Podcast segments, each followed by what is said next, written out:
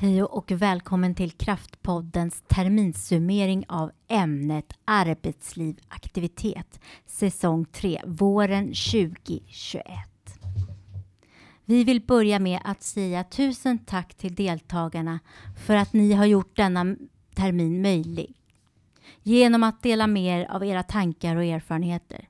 Så tack Kristoffer Johansson, Therese Wapsel, Ulrika Bergman och Lasse Wikström.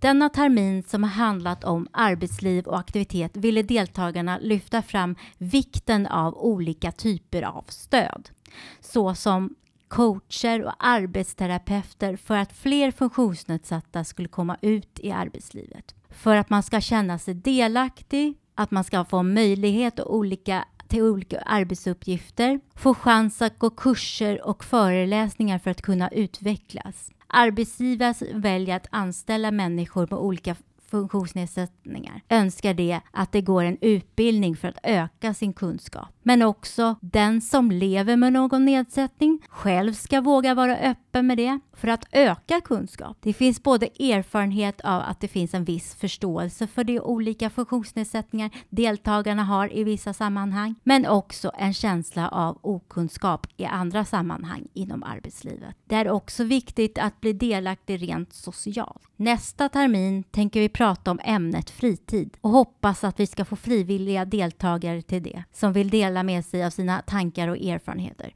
Hur många avsnitt det blir beror på deltagandet. Projektet är helt ideellt och är inte vinstdrivande.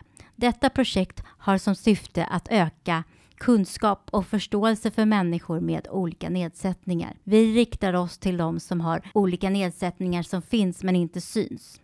Det innebär att vi söker människor med neuro neuropsykiatriska, neurologiska, intellektuella, fysiska och psykiska nedsättningar som vill dela med sig av sina tankar och erfarenheter. Detta genom Skype eller Zoom. Vill ni eller någon ni känner delta så skriv till kraftpodden outlook.com. Följ oss på Instagram eller Instagram, i Facebook. Vi, Erika Nordström och Tapio Aho vill önska alla som lyssnar en glad sommar och ta hand om er. Och så hoppas vi att vi hörs till höstterminen igen. Tack för att ni har lyssnat.